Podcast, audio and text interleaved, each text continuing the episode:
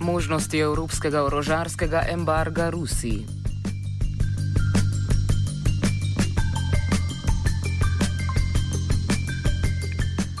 Na srečanju zunanih ministrov držav članic Evropske unije je bilo moč slišati predlog, da Evropa v odnosu do Rusije zauzame enotno stališče in preuči možnosti embarga na prodajo orožja vzhodno vele silo. Največ negodovanja je med članicami gotovo sprožila Francija, ki je z Rusijo izpeljala prodajo bojnih ladij v skupni vrednosti 1,2 milijarde evrov. Ob vse glasnejših pobudah embarga pa se postavlja vprašanje, kakšni so evro-ruski odnosi na področju orožarske trgovine.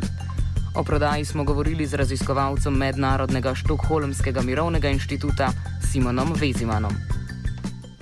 Uh, it's not very easy to say how big it is because European states, well, they give information on the, the arms exports. It's not always sure if they actually mean arms for the military or um, components or arms for civilian products. Um, but in general, you can say that the arms trade with Russia from the European Union as well as from other countries is very small. Um, the most significant one is France, which has sold two Mistral amphibious landing ships um, to Russia. That's a big deal, but all the other deals are pretty small actually. Kakšno orožje Evropa prodaja v Rusijo?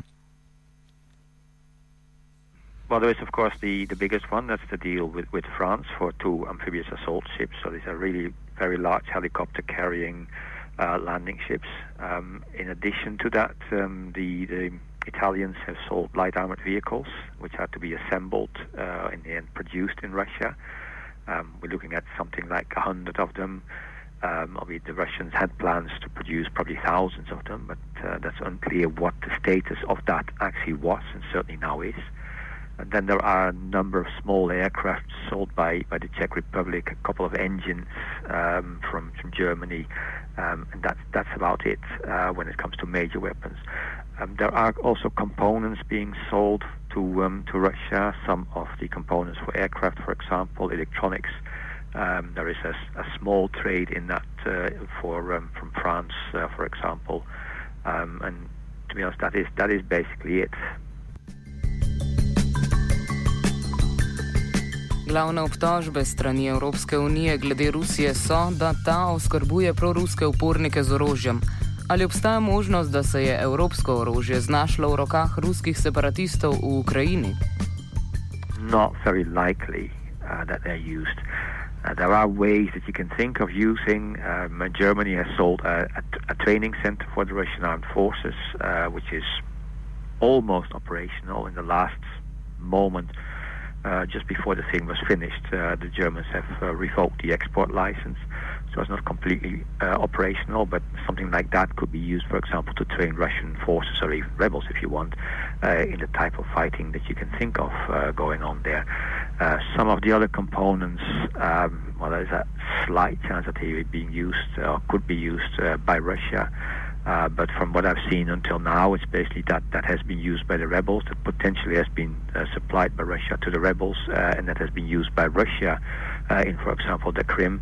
Um, and uh, along the border are exactly those weapons which you would expect from Russia, Russian weapons produced in Russia with Russian components, in some cases with Ukrainian components.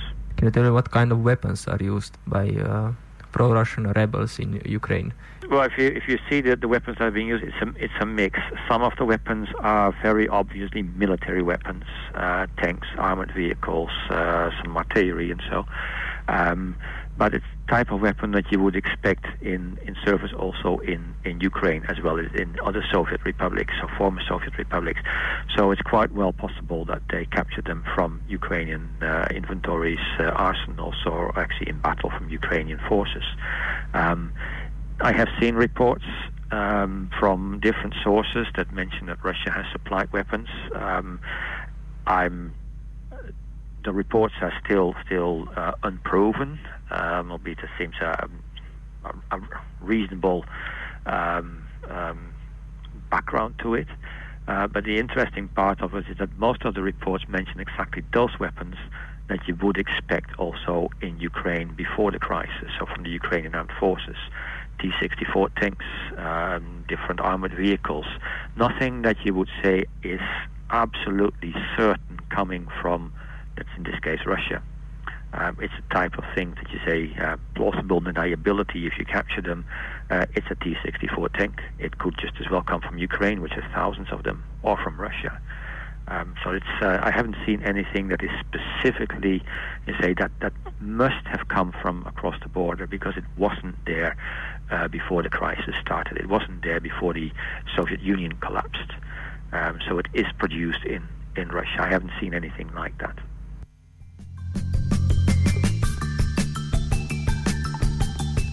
Veliko zgrožanj je sprožila sestrelitev nesrečnega malezijskega letala.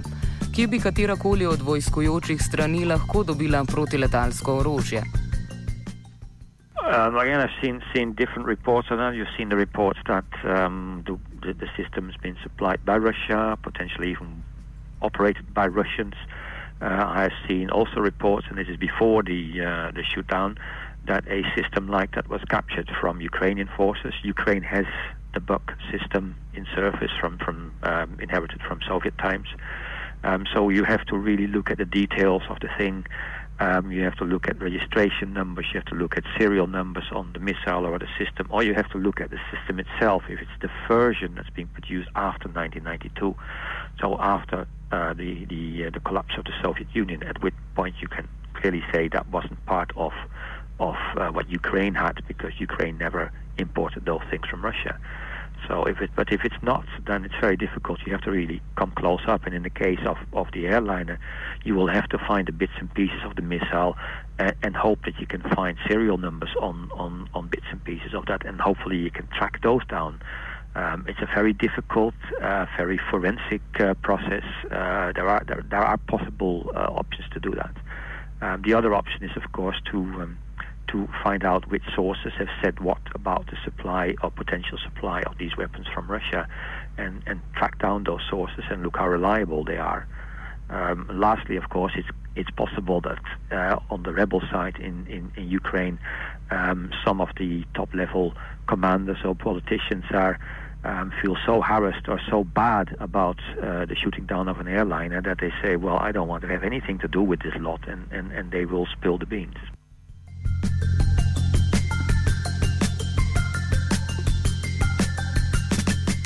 Nekatere države že imajo določene zakonske omejitve prodaje orožja drugim državam.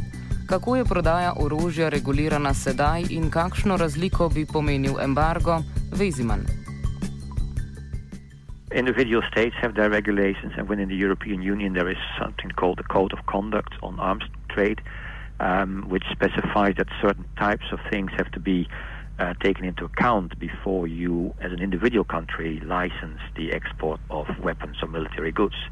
Um, it's all up to the national governments to make that decision, but they have to go through a process to take into account, for example, how a country behaves in, the in, in, in international regimes and international law, um, how a country re, um, uh, behaves towards the friends of the European Union members um, and how a country behaves, for example, when it comes to uh, supplying weapons to places or, or diverting weapons uh, or equipment to places where they shouldn't go. Uh, so European countries supplying systems to a country and then uh, three years later they end up with another country or a rebel force where they the license never allowed that. So these things have to be taken into account, but there is still this um, national decision authority. It's the national uh, authorities that decide about their exports after taking this to, into account. An arms embargo would be different. I mean, there are different aspects to an arms embargo, but a European arms embargo, which is really said as this is an arms embargo, is a common position, um, is legally binding for all European countries from the moment it's decided. So the European country doesn't have that authority anymore to say, no, we supply anyway. It has to abide by the embargo. Čeprav je prodaja evropskega orožja zauzemala majhen delež znotraj ruskega orožarskega uvoza, bi imela možna uveljavitev embarga določeno vlogo. Na eni strani bi Evropska unija nastopila z enotno pozicijo proti Rusiji, po drugi strani pa je ruska oborožitev tehnološko zastarela, embargo pa bi zato zaprl vrata Rusiji do dostopa tehnološko naprednejšega orožja. Več o pomenu embarga za konec pove Veziman. It, it wouldn't have any, any great effect, certainly not uh, on, on the crisis in Ukraine or in, in potential Russia supplying or, or helping uh, the rebels. Um, it um, may not have a very strong effect on Russian politics, but I think there are two big aspects to it. One is it has a political significance. You show that you're fed up with it, that it cannot go on like that, and the Russians may feel that it's uh, that they have to listen to it somewhat. They may also look further in the future uh, because the Russian um, arms industry uh, does need contacts with other countries to develop future weapons. It cannot do it on its own. It's just impossible. It just doesn't have Russia doesn't have the money for it, aside from the technology. So they will look at European states in the future to help develop new weapons. Um, that may be completely blocked if there's an embargo and a political un- un- unwillingness to do go on further. So that may be one aspect. The other aspect is from the side of the European Union. Um, is it morally acceptable that you go on transferring weapons or equipment that could be used for, by the military to Russia when uh, there are strong, strong indications that Russia is helping rebels um, of a state which uh, the EU has very friendly relations, helping rebels uh, that have potentially uh, shot down an airliner, and after that have blocked, uh, to some extent, the, um, the, the the retrieval of both the the, the wreckage and the bodies, um, and is in general.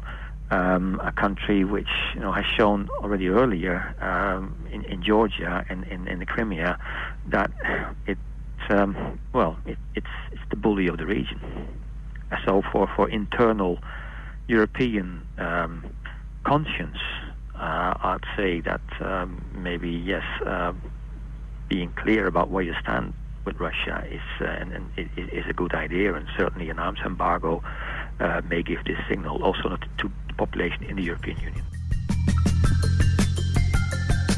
Offside je pripravil Jošt.